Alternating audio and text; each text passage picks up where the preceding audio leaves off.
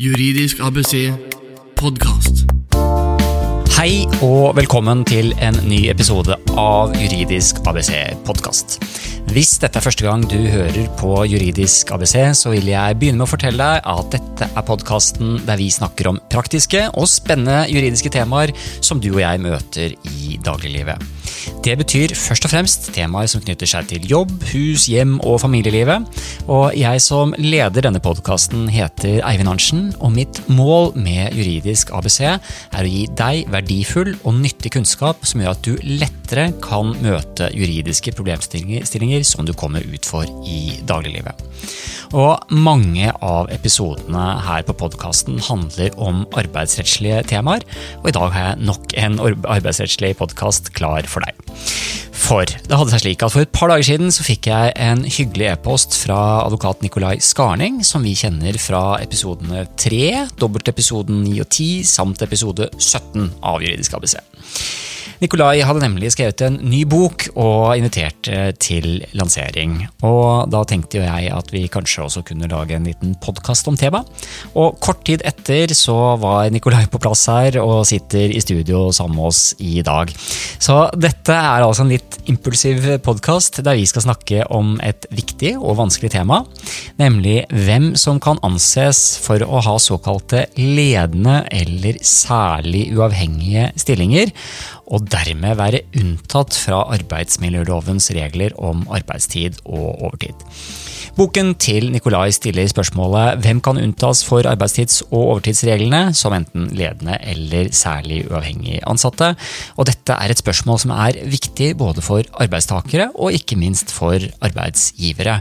For feilinnplassering i disse stillingskategoriene kan nemlig føre til tilsyn fra Arbeidstilsynet. Det kan føre til dagbøter og etterbetalingskrav mot virksomheten for overtidsbetaling, og det kan fort bli snakk om mange hundre tusen kroner.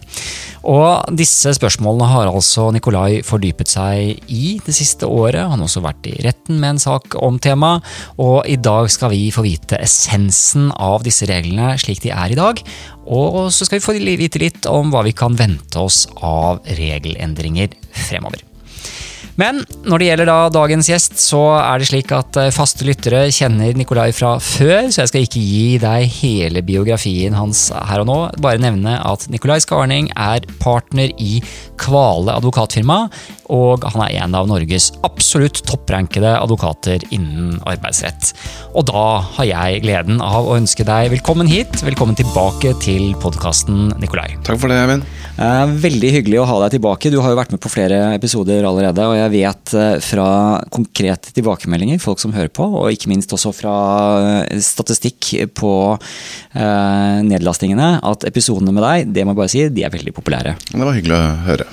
Så da var det jo veldig naturlig, Nikolai, da du nå hadde en, nok en ny bok. Må jo bare si det at du må være den mest produserende arbeidsrettsadvokat og forfatteren vi har i Norge. Du har jo nærmest en ny bok ute hvert år. Jeg er litt engasjert i faget mitt, kan du si. Veldig engasjert i faget ditt, og du er ute. Du holder Du, er selvfølgelig aktiv som advokat, du, og du kommer da bort til masse spennende saker sånn sett. Du følger med i forhold til lovgivningsarbeidet som skjer, og endringer innenfor feltet vårt.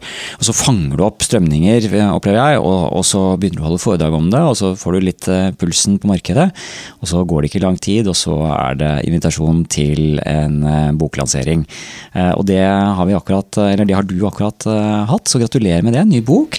Jo, takk for det. Og det er jo bakgrunnen i at jeg har hatt et par saker i, i rettsapparatet på dette med ledende eller særlig uavhengig stilling, som gjorde at jeg syns egentlig dette var et spennende tema. 10 av arbeidsstyrken, altså én av ti, faktisk sitter i enten ledende eller særlig uavhengig stilling, og kan da for så vidt jobbe døgnet rundt uten å få en krone i overtidsbetaling. Og Det temaet der syns jeg var spennende å se, nemlig hvem faller inn i arbeidstidsreglene med rett til overtidsbetaling, og hvem faller faktisk utenfor. Og da er vi på temaet. Vi er på disse juridiske si, merkelappene som man kan sette på enkelte typer stillinger. Som er altså da ledende eller særlig uavhengig. Og du sier 10% av arbeidsstyrken.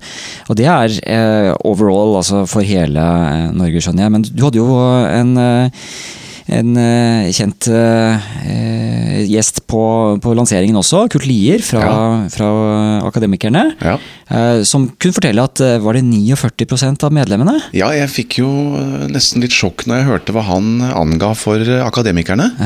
Der var det i hvert fall veldig høye prosenter. Det var vel tre-fire ganger i hvert fall så mye som det som er overall, altså 10% Så det er som du sier, jeg tror det var oppe i hvert fall 30-40 og, og noen og 40 Ja, riktig. Og det betyr jo at blant akademikere så er dette et veldig relevant eh, spørsmål.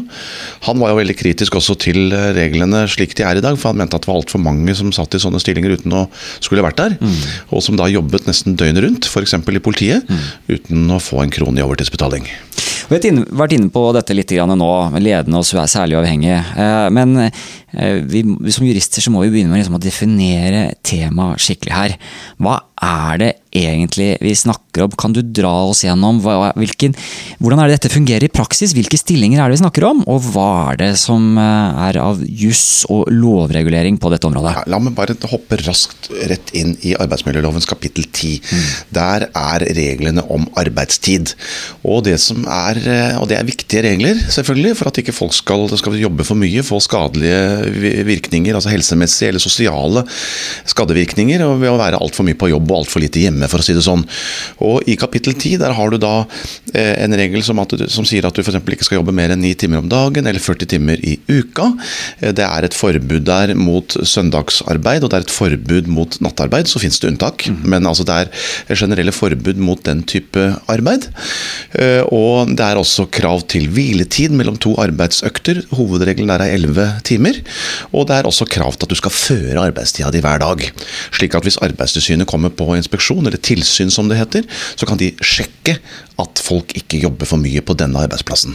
Så, Ja, så det skjønte jeg- ja. så, så, så, bare sånn øh, du, du har jo så fantastisk mye kunnskap her, så det bare renner ut. Men bare sånn for at vi klarer å absorbere dette. Det vi snakker om, er også på et kapittel i arbeidsmiljøloven som har en lang rekke regler for rammene for hvor mye du og jeg har lov til å jobbe. Det er helt riktig. Og det er jo meningen da at man skal skjerme arbeidstakerne for å, altså mot da kan du si å jobbe for mye. Men så er det altså slik at i arbeidsmiljølovens 10, 12 første og andre ledd, så står det da der at arbeidstidskapitlet da ikke gjelder for to grupper, nemlig de som kalles ledende, og de som kalles særlig uavhengig. Og de ledende det er da typisk administrerende direktør, det er avdelingsdirektører av forskjellige slag, det er markedsdirektør, HR-direktør osv. Altså et sjefsnivå. De skal da ikke føre arbeidstida si, mm. og de får heller ikke noe overtidsbetaling. Så der må man da regne med at de har bedre betalt, og at overtiden på sett og vis er inkludert i lønna. Men de har altså ikke den skjermingen som andre har. Det vil altså si at de kan risikere å jobbe på natta, de kan risikere å jobbe i helgen. Én ting er at de da ikke får betaling, men noe annet er også det at de da ikke, ikke er skjermet og vernet mot den type helseskadelig arbeid. De må altså i mye større grad ta vare på seg sjøl. Og så har du de som heter særlig uavhengige ansatte. Det er da folk som ikke ikke er ledere, men som likevel har en sånn uavhengig, betrodd posisjon. Hvor arbeidsgiver ikke driver og følger med på om de kommer klokka åtte eller klokka ni og så videre på jobben. altså Hvor de på en måte styrer mye av arbeidstiden sin selv. Det er folk som altså er oppgavestyrt istedenfor å være tidsstyrt. Eksempler på dette er forhandlinger i fagforeninger eller forhandlere i arbeidsgiverforeninger. Det er advokater i forsikringsselskaper og banker osv. som altså ikke er sjefer, men som likevel har en særlig betrodd posisjon. Eh, Og de er da i samme situasjon. De er ikke skjermet, de er ikke beskyttet av arbeidstidsbestemmelsene. De risikerer å jobbe på natta, de risikerer å jobbe i helgen osv. osv. Men de får da gjerne bedre betalt enn andre. eh, Og det vil jo da være en, en del av kompensasjonen for å være i en sånn type stilling. Jeg tenker jo at eh, med hva skal jeg si, det moderne arbeidslivet og, vi, og ny teknologi som gir mulighet for å jobbe nær sagt døgnet rundt og fra hvor som helst, eh, og mange stillinger som er veldig kunnskapsbaserte, så tenker jeg at du, du beskriver jo egentlig ganske ganske store arbeidstakergrupper, kanskje da, med disse som har disse litt særlig avhengige stillingene. Eh, Hvordan, hvordan, hvordan kan man vite hva er det som kjennetegner en særlig uavhengig stilling? Hvordan kan man skille ut og finne ut av om en stilling kan anses å være særlig uavhengig eller ikke? Og kan du si litt om den sondringen? Ja, du kan si i dagens lovverk så er det ikke noe krav til at dette skal stå i selve arbeidsavtalen. Det er litt pussig. Mm. Jeg kommer vel, kommer vel, tilbake til etterpå disse forslagene til ny lovgivning som det er høringsfrist på 1.7 i 2016. Men det er altså folk som defineres som særlig uavhengig. Og det innebærer da at arbeidsgiver sier som så at det er en posisjon som er kan du si, litt høyt oppe i virksomheten. altså Det er på en måte ikke folk som er lavest i hierarkiet. Det er folk gjerne litt oppe oppe i posisjoner i, i, bedriften eller i virksomheten. Det er folk som da har oppgaver som de skal gjøre, som er kanskje avgrenset. Det er altså folk som, hvor arbeidsgiver ikke er så opptatt av når du kommer og når du går. Mm. Man er først og fremst opptatt av at du, at du får jobben gjort. Mm.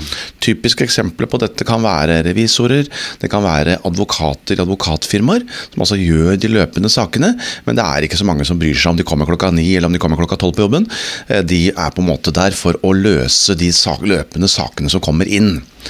Slik at uh, det er en rekke momenter som kommer inn her. Altså hvor uavhengig er du? Mm. Hvis det er slik at arbeidsgiver stadig vekk er etter deg for at du skal komme tidligere på jobb osv., så, videre, så vil man veldig fort komme inn eh, i arbeidstidsreglene.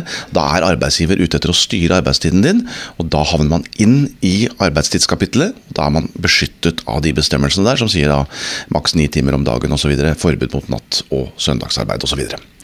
Slik at eh, det er en totalvurdering, en helhetsvurdering, men hvor særlig dette med kontroll av arbeidstiden er, er sentralt. Det vil altså si at hvis du må føre arbeidstiden din, mm. hvis du får beskjed av arbeidsgiver at eh, du må stemple inn og stemple ut, eller føre på maskinen, ja, da er du inne i arbeidstidskapitlet. Da er du ikke en særlig uavhengig ansatt.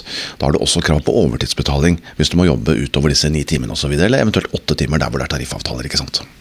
Det syns jeg er veldig bra, for da er du veldig konkret på hvordan man kan uh, identifisere disse gruppene. Og, og, da er et tydelig stikkord her er jo da de som har uh, en stemplingsur av en eller annen uh, form. At man i hvert fall fører, fører arbeidstiden. Det ja. ja, og En annen ting som jeg kanskje kan nevne, det er at der hvor du kanskje har jobbet mye i perioder og har lyst til å ta deg en dag fri eller to, kanskje for å slappe av. Det er nemlig noe av grunnen til at man har et sånt unntak for arbeidstidsreglene. Det er altså at man sier som så at de som sitter i ledende posisjoner, de kan delegere arbeid til andre. Så de kan skjerme seg mot for mye arbeid gjennom å delegere arbeid til andre.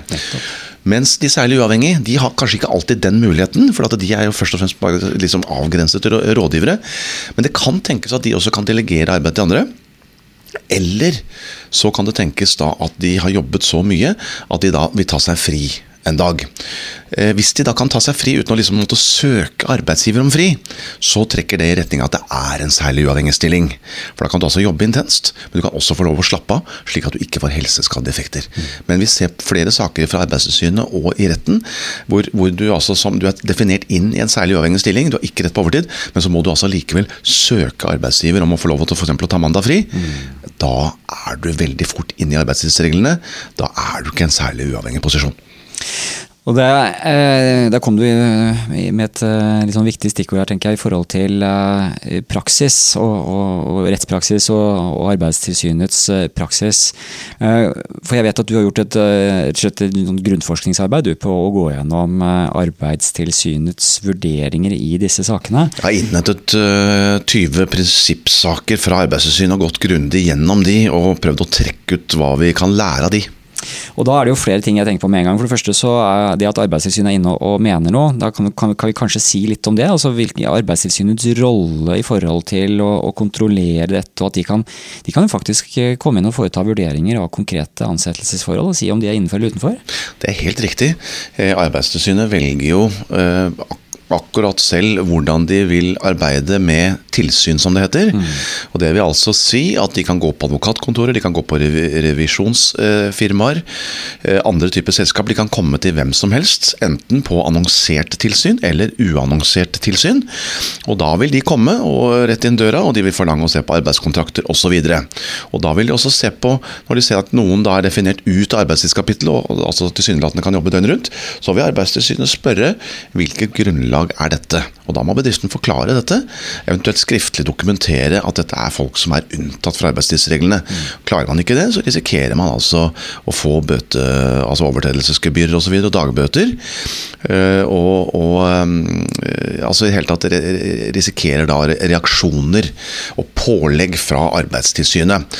Så det skal man være klar over. Og man skal også være klar over det at det ansatte som da er i særlig uavhengig stilling, men som føler kanskje selv at jeg er feil plassert inn. Jeg får pokker ikke overtidsbetaling, men jeg jobber nesten døgnet rundt. Den type personer vil jo også kunne melde fra til Arbeidstilsynet. Mm. Og så kommer da plutselig Arbeidstilsynet på besøk. En annen ting er at vi ser jo at i en del oppsigelsessaker, altså hvor det blir rettssaker etter en oppsigelse, så ser vi jo i flere av sakene at arbeidstaker da kommer i søksmålet inn og sier at jeg har også jobbet masse overtid i tre år her, som er eh, foreldelsesreglene de siste tre årene. Jeg har ikke fått en krone overtid. Og så krever de f.eks. da erstatning for manglende overtidsbetaling under den rettssaken. Jeg hadde en sånn sak fra finansbransjen i fjor. Der var det da en finansrådgiver som krevde i starten 900 000 kroner i overtidsbetaling. For han mente da at han ikke var i en særlig uavhengig stilling, og at han var feil plassert. Et enormt beløp.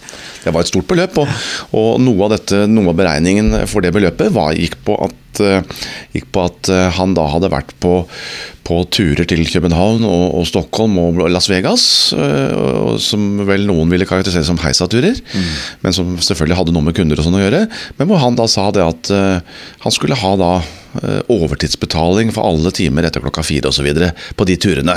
Så de var på nattklubb jorden rundt og skulle skrive overtidstimer? Ja, jeg var ikke til stede, så jeg vet jo ikke hva de var på, men, men, men det er klart at dette var jo hyggelige kan du si, kundearrangementer, annet, som han skulle ha overtidsbetaling for, og det kan også arbeidsgiverne risikere hvis de feilinnplasserer folk. At de får den type erstatningskrav i forbindelse med en oppsigelse. Og her er det som er all grunn til å dvele litt med. Og Det er også det at eh, det er et sånt type dobbelt sanksjonsapparat mot arbeidsgivere som trår feil her. sånn.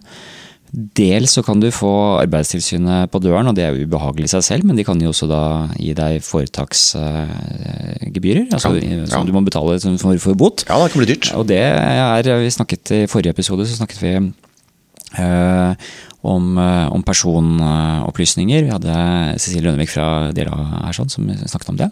Eh, og at de kan utstede eh, gebyrer ved ulovlig innsyn i e-post. Mm. Det er Datatilsynet som kan gjøre, og Arbeidstilsynet kan gjøre tilsvarende i forhold til feilaktige innplasseringer her sånn. Ja, altså Det er bare noen få år siden så var det et av de store revisjonsfirmaene hvor Arbeidstilsynet var på tilsyn og så det at eh, skal vi si litt mer underordnede revisorer jobbet døgnet rundt. Mm. Og hvor altså selskapet fikk en foretaksstraff på 1 million kroner. Så det er uh, ikke småpenger, sånn sett, selv om det er selvfølgelig en stor eh, aktør vi snakker om her. Jo, jo, så er det, jo, altså, jo, ikke, men, det er ikke en fartsbot. Men det kunne jo vært en liten bedrift også som hadde fått en million i bot. Mm.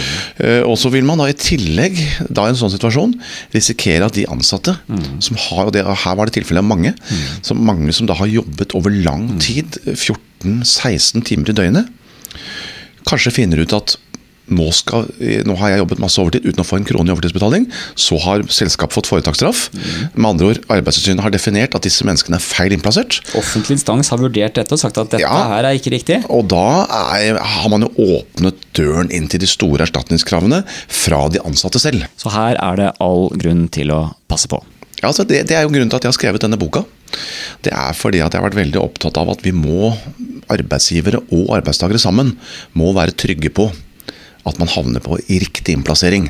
Er det noen som skal unntas arbeidstidsreglene, så er det utmerket, men da må det gjøres på riktig måte.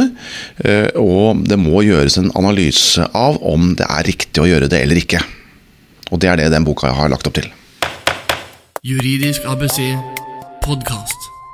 Og da Nikolai, har vi, eh, vi, har fått eh, snakket om hva som menes med ledende eller særlig uavhengig stilling. Vi har snakket litt om fallgruvene og hvorfor det er så utrolig viktig at arbeidsgivere er bevisst dette. Men selvfølgelig også hvorfor arbeidstakere bør, eh, bør ha en klar formening om de er rett innplassert eller ikke.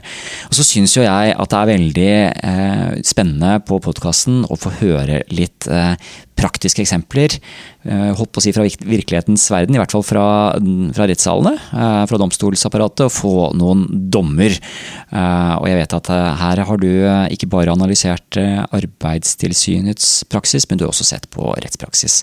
Kan du gi oss noen eksempler på hvordan, altså hvilke saker vi har hatt? Du nevnte jo denne saken du hadde hatt selv, men det er jo også flere andre saker som har vært i domstolsapparatet? Ja, La meg gjøre meg fort ferdig med ledende stilling. da. For ja. du kan si Ledende stilling det er jo intuitivt lettere å plassere inn. Vi vet på en måte hvem som er ledere. Det har noe med stillingen å gjøre, det har noe med posisjonen å gjøre i hierarkiet i virksomheten. Og, og, og posisjon slik at ledende stilling, der har vi, vi har noen dommer på det.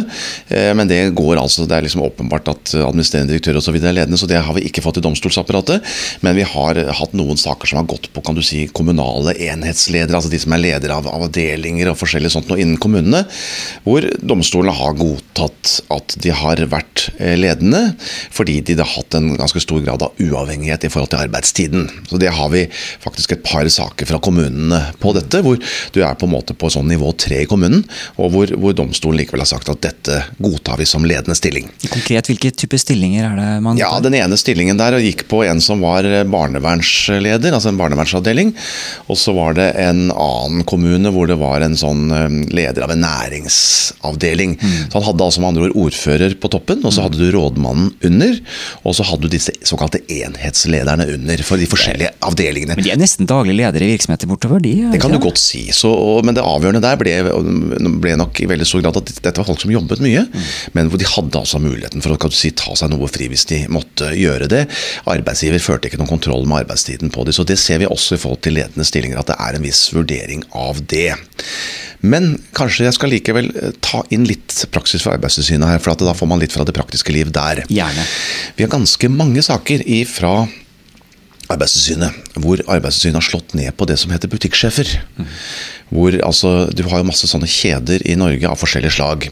Og hvor altså Arbeidstilsynet har sagt at disse butikksjefene, som er toppsjefen i butikken, likevel ikke er ledende stilling, altså skal ha overtidsbetaling. Og Grunnen til at Arbeidstilsynet har kommet til det i så mange saker, det er fordi at disse eh, butikksjefene har vært sterkt styrt ovenifra. Av driftshåndbøker, personalhåndbøker, direktiver på hvordan de skal jobbe i butikken. Altså Det har i det hele tatt vært lite beslutningsmyndighet til butikksjefen. Så selv om han eller hun har en flott tittel, så har Arbeidstilsynet sagt disse må få overtid. Det betyr ikke at alle butikksjefer eh, skal vi si, går inn i arbeidstidskapitlet for overtidsbetaling, men det betyr altså at der hvor de er veldig detaljstyrt ovenifra, der eh, sier også da Arbeidstilsynet at der må de kunne få overtidsbetaling og beskyttes eh, mot for mye jobb. Men så hører det med til historien at vi har en såkalt Kiwi-dom fra lagmannsretten hvor det var en, en butikksjef på Kiwi som jobbet ca. 80% i butikken, og som resten av tiden drev med noe ledelse og hadde fullmakter. Og Der sa lagmannsretten at denne personen godtok man falt utenfor arbeidstidsreglene, altså med andre ord ikke rett på overtidsbetaling. Og her eh, sa lagmannsretten at forskjellen fra Arbeidstilsynets praksis da, var altså at denne butikksjefen på Kiwi kunne i stor grad styre arbeidstiden sin selv, og hadde da selv valgt å stå mye i butikk. Mens eh, lagmannsretten viste da til at Arbeidstilsynet, der hvor de slår ned på disse butikksjefene, det er der hvor butikksjefen i realiteten må stå hele dagen i butikken sjøl. Altså har på en måte ikke noe valg. Med andre ord, da er du bundet opp åtte-ti timer hver dag. Og da sier Arbeidstilsynet at da må du få en viss beskyttelse. Da faller du inn i arbeidstidsreglene. Så det er på en måte eksempler på ledende stilling. Og bare da, eh, Det jeg hører her er jo det vi ofte møter på i jussen, nemlig at det formelle det er ikke nok, det må også være det reelle under. Så selv om du formelt sett har en fin tittel som butikksjef, hvis du har, eh, hvis det er så sterke krav til din tilstedeværelse, du skal være der når butikken åpner, når den stenger etc., og du skal følge en lang rekke rutiner, eh, så kan du ha ledende stilling på papiret så mye du bare orker, men, men i hvert fall fra, i forhold til arbeidstidsreglene her sånn, så er ikke det en tilstrekkelig tid at du kommer inn under disse reglene som vi snakker om her sånn. Nei. Nei, det er helt uh, riktig. Det er uh, det reelle forhold som eh, gjelder. Som tittelen bryr man seg lite om. Man begynner selvfølgelig der. Er det en flott ledende tittel, så er det fint. Men det er altså på ingen måte avgjørende. Det er bare et første punkt. Så får man se på har du virkelig ledelse. Altså har du klare lederoppgaver, er vel det som forarbeidene sier. Klare lederoppgaver. Og så nevner du litt dette med fullmakter også. Det er vel også et, et moment her, sånn, i hvert fall i forhold til Kiwi-dommen. Ja da, det er riktig. Og Hvis du da kan signere sant, og binde opp bedriften for kan du si, mange hundre tusen kroner osv., så, videre, så er fullmaktsforholdene også av betydning. Altså Har du fullmakter, så har du en særlig betrodd stilling. Og da uh, trekkes du inn i enten ledende eller særlig uavhengig. altså med andre ord Du faller lettere, lettere utenfor arbeidstidsreglene. Ja, for Hvis vi ser litt nærmere nå på særlig uavhengig og på ja. praksis der. La oss se litt på det. Eh, der kan du si at det, Noe av det første vi, som kom i domstolene der, det var eh, verneombud. Mm. Hovedverneombud og verneombud det var de første sakene vi hadde på dette området. Hvor domstolene sa at verneombud og hovedverneombud i sin funksjon som verneombud eh, råder over arbeidstida si sjøl, og er ikke styrt av arbeidsgiver. Det er jo hele poenget med verneombud. De skal være uavhengige av arbeidsgiver. Det er jo de ansattes arbeidsmiljøombud, dette her. Mm. Og da avviste lagmannsretten uh, i to runder, er det en tingrett og en lagmannsrett, avviste at dette, var, um, at dette var folk som skulle inn i overtidsreglene, altså for overtidsbetaling, og sa at dette er særlig uavhengige folk.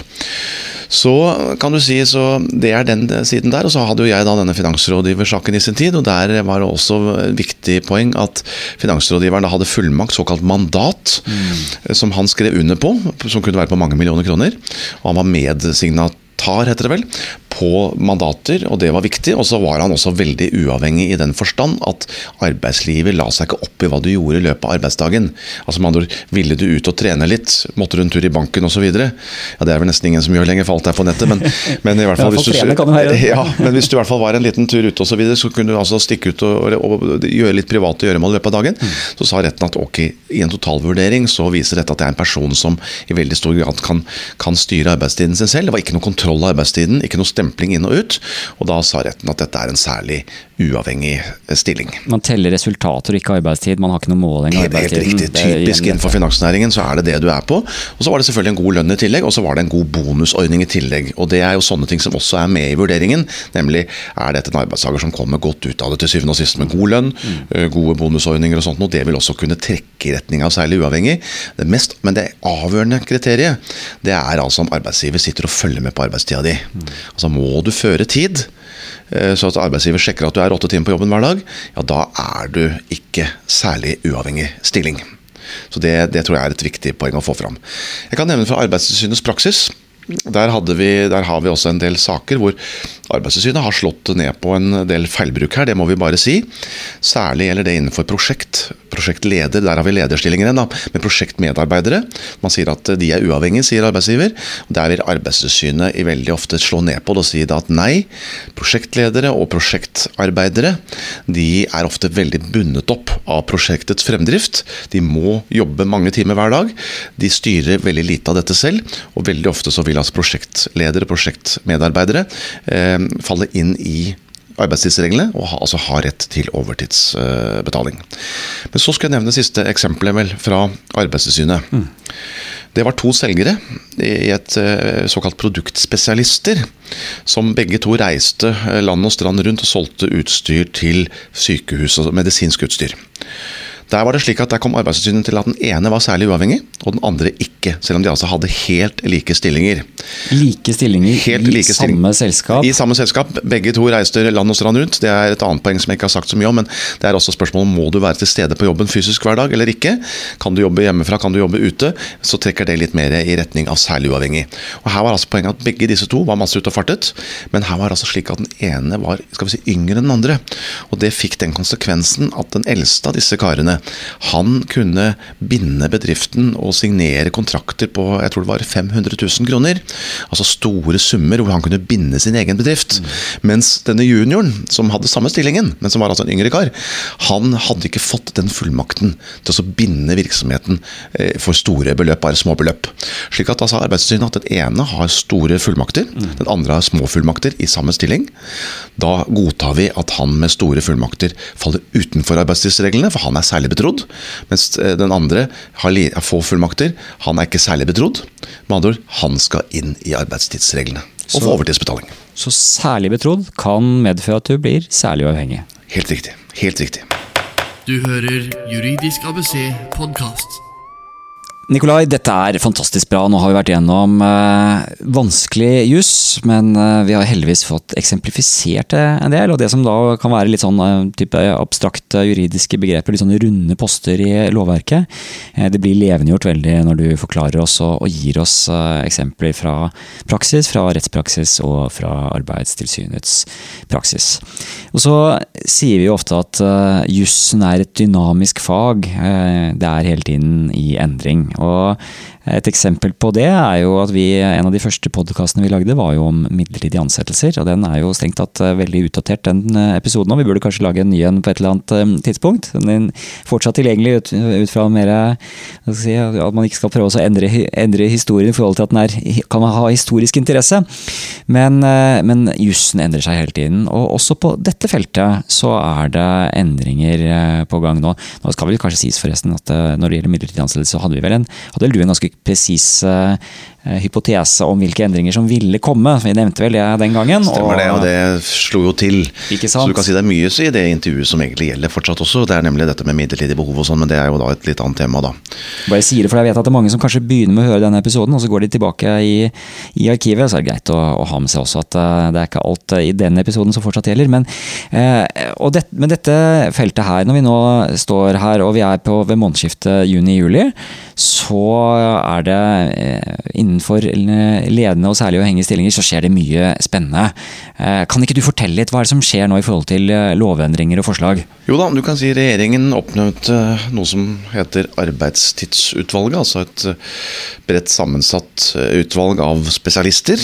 Ledet da av professor i økonomi, sosialøkonomi på Universitetet i Oslo, en som heter Karen Helene Ultveit Moe. Og de kom i januar med denne NOU 2016 nummer én, hvor det da gås gjennom flere ting på arbeidstid, men hvor man også ser på utviklingen i samfunnet når det gjelder ledende eller særlig uavhengig stilling, hvor kanskje dette med særlig uavhengig stilling er det mest interessante. Og Det man ser, det er altså at flere ansatte får mer utdannelse, mer kompetanse. Vi ser at den teknologiske utviklingen gjør at folk kan jobbe hjemmefra. De kan jobbe fra en strand i Tyrkia. De kan jobbe hvor som helst ifra. Altså De er ikke så bundet opp til den konkrete arbeidsplassen lenger som de var før. Med andre ord, de trekkes mer i retning av særlig uavhengig stilling. Så konstaterte da Arbeidstidsutvalget at sånn er det. Og Arbeidstidsutvalget gikk gjennom om det er fortsatt behov for disse unntakene, og kom til at ja, det er det. Så de sa at vi må beholde disse unntakene sånn som de er. Eh, men det må kanskje gjøres noen presiseringer, for, særlig på særlig uavhengig. altså Gjøre noen presiseringer i lovteksten, slik at det blir lettere for bedriftene og de ansatte å plassere folk riktig inn. At du altså ikke bommer der, som jeg sa, med store erstatningskraft til følge, og bøter eventuelt fra Arbeidstilsynet. Slik at eh, det som det legges opp til nå, det er for det første at man da skal skrive inn i selve arbeidsavtalen at vedkommende er unntatt arbeidstidsreglene. Altså Det er en viktig informasjon til den ansatte også, og til Arbeidstilsynet når de kommer på inspeksjon, at ja, denne personen er unntatt arbeidstidsreglene. I dag er ikke det noe slikt krav, men det kravet tror jeg vi kan bare legge til grunn vil komme inn i loven etter hvert nå. Så da bare, og da bare hopper jeg inn her og så sier jeg at da tenker jeg at uh, det bør vel være et råd til alle arbeidsgivere nå, å begynne å tenke på med en gang. At hvis man opererer med, med, med disse stillingskategoriene, så særlig avhengig stilling eller også ledende stilling, eh, ledende stilling så, så, bør man kanskje sørge for at hvis ikke det er klarlagt i arbeidsavtalen allerede, så bør man gjøre det med en gang? Det bør skrives inn i alle avtaler, det har jeg egentlig alltid ment. Og det skriver jeg også om i boken, at min anbefaling er at man, dette skal stå i arbeidsavtalen. Det er nesten rart det ikke har stått i loven før. Mm. Uh, og fordi at hvis det står i arbeidsavtalen, så trekker jo det selvfølgelig i retning av at dette virkelig er et lovlig unntak. Selv om det er de reelle forhold som teller. Det er klart at Bare det at arbeidstaker og arbeidsgiver har diskutert det og nedfelt det i arbeidsavtalen, det sier jo noe i seg selv om hvordan partene har tenkt. Så det er klart, dette er av betydning. Mm. Så så snakker, snakker Arbeidstidsutvalget om å eventuelt lage en veileder om hva som er ledende og særlig uavhengig, for å hjelpe bedrifter og ansatte. Den er jeg litt mer usikker på, på fordi at vi har ikke så noe praksis fra at man driver og lager masse sånne veiledere på alle mulige bestemmelser i loven. Kan man jo lage fullstendig kommentarutgave til alle bestemmelsene? Ja da, det kan du si. Så jeg, jeg har jo heller sagt at det er hele min bok som er en veileder på de to bestemmelsene. Men, men, og det er for så vidt greit. Men, men det, så det er en del av det. Men det som kanskje er spennende, mest spennende nå, mm. det er at arbeidstidsutvalget under dissens, altså her var det flertall mot et mindretall, mm. foreslo at vi skulle innføre en ny kategori i tillegg til de vi har allerede. Nemlig noe som de kaller for delvis uavhengige ansatte. Og det er altså folk som ikke er fullt så uavhengige som de særlig uavhengige som det står om i loven, men som har en god del uavhengighet i forhold til å være på arbeidsplassen osv. Og, så og hvor man da sier at disse skal føre arbeidstida si, og de skal kunne jobbe inntil 48 timer i uka i snitt. Altså Man skal ha litt beskyttelsesregler på de. Litt uavhengig, da? altså? Ja, litt uavhengig kan du godt si. Og da litt mindre overtid, for å si det sånn. Altså De, de, de, de får ikke da overtidsbetaling heller, men, men de, får da også større frihet da enn en andre. Jeg syns likevel det høres kanskje litt pussig ut, men, men jeg syns det kan være et litt spennende forslag. Mm. Fordi at det kan jo tenkes at en del mennesker gjerne vil inn i sånne stillinger, i hvert fall hvis de får kompensert for det, altså de får en, en bra lønn for det. At kanskje en del mennesker faktisk ønsker det. For det har vi kanskje glemt å snakke om at eh, det er faktisk en god del ansatte som vil ha særlig uavhengige stillinger. Mm. Det er, det er prestisje i det. Mm. Eh, det er ofte litt mer lønn. Du har trygghet for overtiden som da ofte er inkludert i lønna. Du får f.eks. 100 000 ekstra lønn. Ja vel, da har du stillingsvern på den de 100 000 ekstra. Er det overtid fra år til år, så vet du ikke. Kanskje du bare får jobbe en krone overtid. Kanskje du får jobbe 10 000 eller 100 eller 200 000 kroner i overtid. Slik at dette vet du ikke, men i en særlig uavhengig stilling med overtiden inkludert, så kan det være interessant. Ja, for du, du spissformulerer dette litt når du sier noe sånt som at uh disse stillingene kan enten være en fordel eller så kan det være retten til å jobbe seg selv i hjel. Eh, ja, jeg har jo spissformulert det. fordi det er klart at dette, Du må gjøres en individuell vurdering i alle sakene her. Mm. Noen har da godt betalt for å være særlig uavhengige. Mm. og Det betyr at de har en god lønn, de har spennende jobber, ansvarsfulle, betrodde stillinger. Altså eh, masse positivt. Folk ønsker dette. Men så har jeg også spissformulert og sagt at det å være særlig uavhengig, det er også en rett til å jobbe seg i hjel uten en krone i overtidsbetaling. Det må man også være oppmerksom på. Slik at Hvis arbeidstagere her føler at de nesten møter veggen, det blir for mye jobbing, ja, så vil jo jeg anbefale at da må man begynne å føre arbeidstiden sin. Og så kan man etter hvert drøfte dette med arbeidsgiver. Se her, jeg jobber faktisk 60-70 timer i uka. Det har jeg holdt på med det siste året her. Dette, sånn kan det ikke fortsette.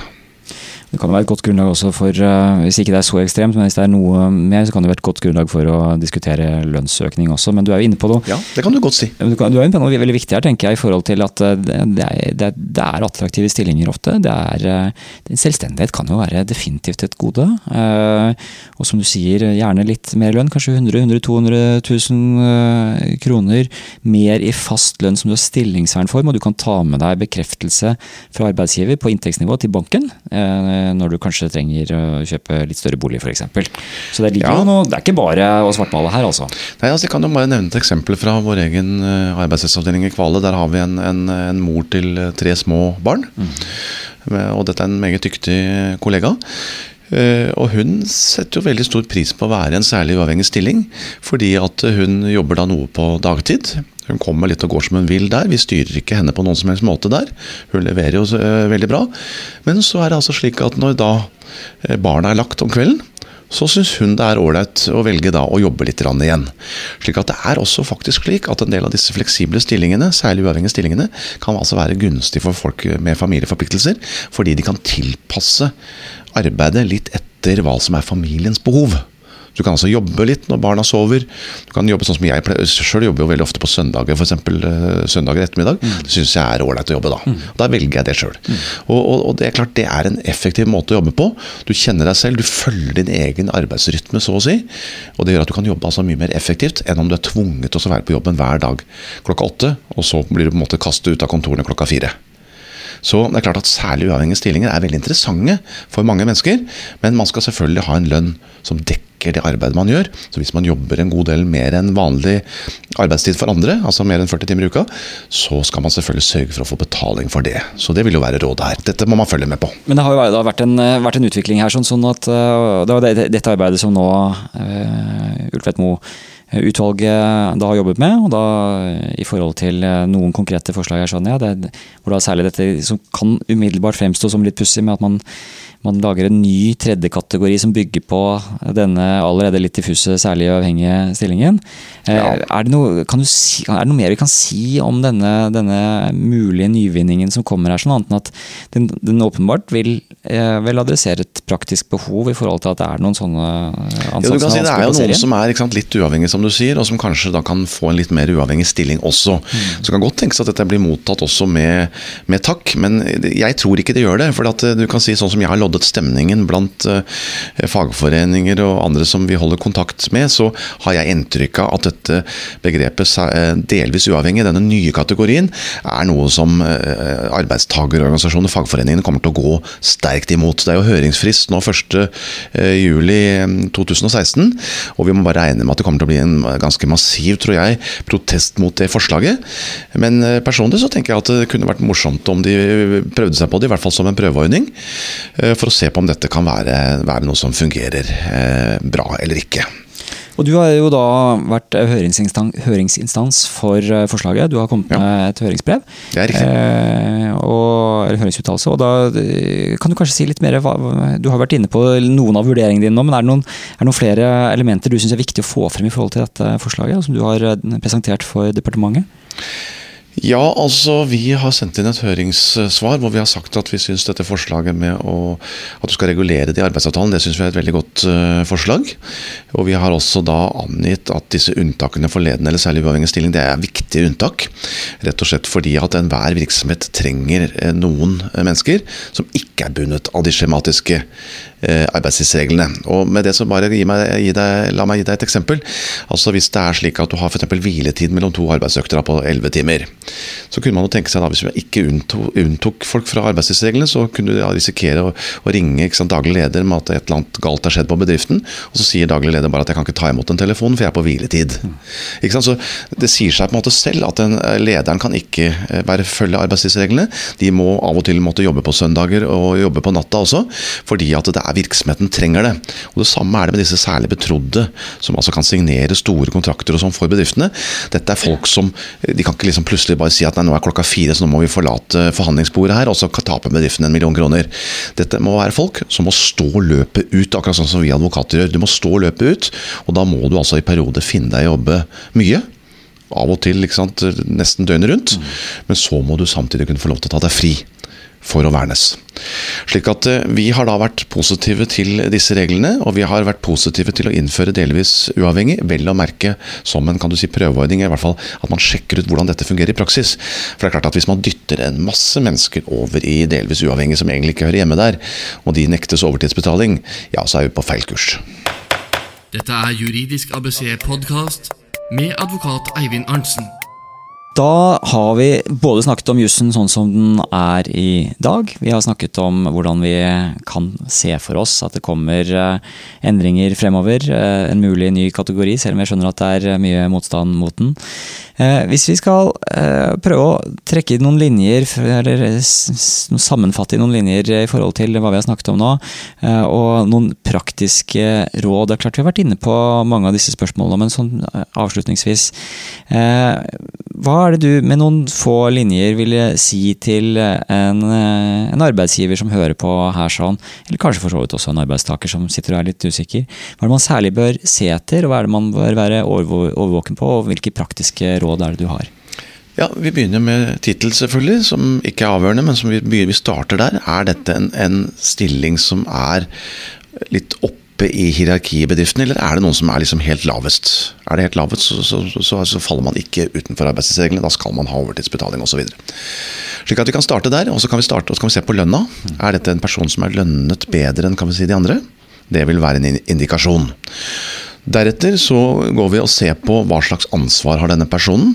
Er den ledende, så må det være klare lederoppgaver. Er den særlig uavhengig, så må det være likevel en person som har et eget ansvar, fullmakter, særlig betrodd, som vi sier.